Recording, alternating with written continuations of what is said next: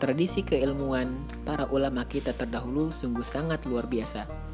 Kaya akan literasi, penuh dengan ketulusan hati, sehingga sangat banyak karya-karya besar yang dihasilkan oleh para ulama kita terdahulu. Dan kini, karya-karya besar tersebut berupa berbagai kitab-kitab para ulama sudah banyak yang diterjemahkan ke dalam bahasa Indonesia. Namun sayangnya, kita umat muslim terkadang sukar untuk mendapatkan akses bisa belajar langsung dari kitab-kitab tersebut, entah dari kitabnya ataupun dari waktu untuk menyediakannya. Maka kini hadir Talaki Kitab sebagai podcast yang akan membacakan kepada teman-teman semua literatur-literatur keislaman. Semoga bermanfaat, semoga berkah.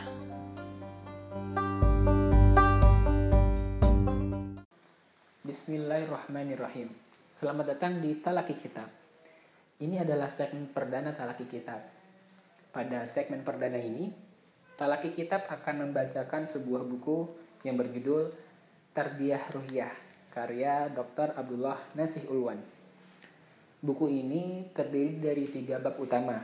Bab pertama mengenai ruhiyah seorang dai, bab kedua mengenai faktor-faktor yang menumbuh suburkan ruhiyah, dan bab yang ketiga mengenai pengaruh tarbiyah ruhiyah dalam pembinaan, perbaikan, dan pembaruan umat.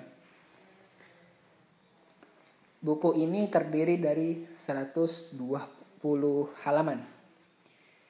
Semoga dari buku ini kita bisa mempelajari bagaimana petunjuk praktis mencapai derajat takwa.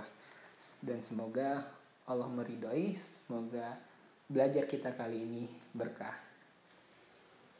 Kita akan membaca untuk bab yang pertama mengenai ruhiyah seorang dai.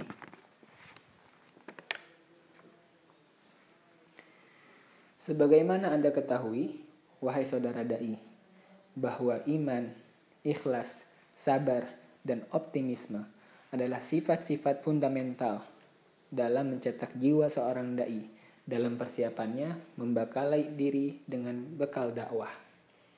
Sifat-sifat tersebut hanya dapat dimiliki oleh seorang mukmin yang telah merasakan nikmatnya iman, menyatukan diri dengan Islam, dan terus melangkah menuju tujuannya. Mereka meraih kemenangan dengan izin Allah atau menemuinya sebagai syahid tak kala menghadapi cobaan dan ujian. Setelah memahami itu semua, saya mengajak Anda untuk terus melangkah mengikuti perjalanan dakwah ini. Kini kita menuju sebuah terminal di mana Anda bisa menghirup nafas keimanan dan menambah bekal ketakwaan. Di sana jiwa Anda akan memantulkan pancaran rohani. Anda akan menjadi seorang yang soleh, seorang insan yang penuh keikhlasan.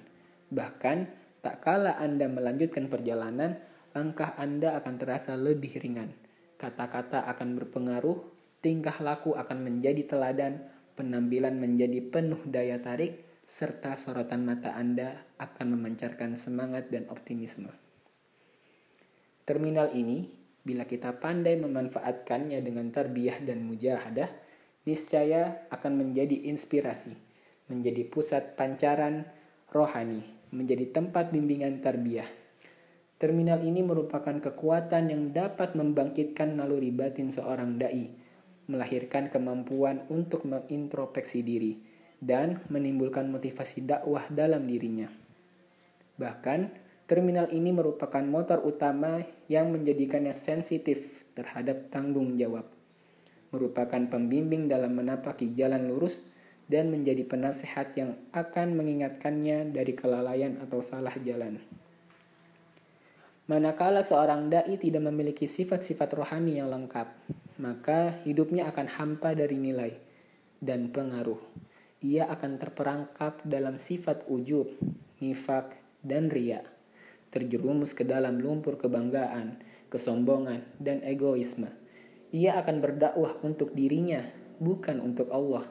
Akan membangun kejayaan bagi dirinya, bukan untuk Islam ia akan bekerja untuk kebahagiaan di dunia dan bukan untuk kehidupan di akhirat kelak.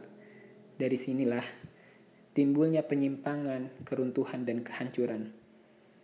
Apabila faktor ruhiyah ini demikian besar fungsinya, maka bagaimana cara mendapatkannya?